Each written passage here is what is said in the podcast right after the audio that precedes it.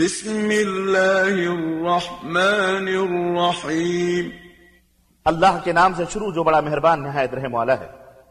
سبح اسم ربك الأعلى۔ اپنے رب کے نام کی تسبیح کیجیے جو اعلیٰ ہے۔ الذي خلق فسوى والذي قدر فهدى۔ جس نے پیدا کیا پھر اسے درست کیا۔ اور جس نے اس کی تقدیر بنائی پھر راہ دکھلائی والذی أخرج المرعى فجعله غثاء احوا اور جس نے چارہ پیدا کیا پھر اسے خشک اور سیاہ بنا دیا. سنقرئك فلا تنسى. إلا ما شاء الله إنه يعلم الجهر وما يخفى ہم آپ کو پڑھا دیں گے پھر آپ بھولیں گے نہیں۔ بجز اس کے جو اللہ چاہے وہ ظاہر کو بھی جانتا ہے اور پوشیدہ کو بھی۔ ونيسرك لليسرى اور ہم آپ کو آسان طریقہ کی سہولت دیں گے۔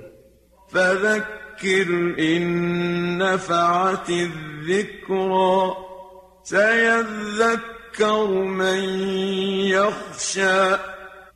بس ہے میرے نبی آپ نصیحت کیجیے اگر نصیحت نفع دے۔ جو ڈرتا ہے وہ نصیحت قبول کر لے گا۔ ويتجنبها الأشقى.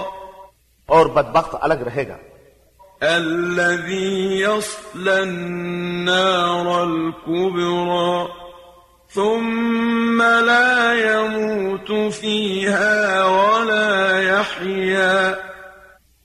اور بڑی آگ میں داخل ہوگا پھر اس میں نہ مرے گا نہ جیے گا۔ قد أفلح من تزكى۔ یقیناً فلاح پا گیا جس نے پاکیزگی اختیار کی۔ وذكر اسم ربه فصلى۔ اور اپنے رب کا نام ذکر کیا پھر نماز ادا کی۔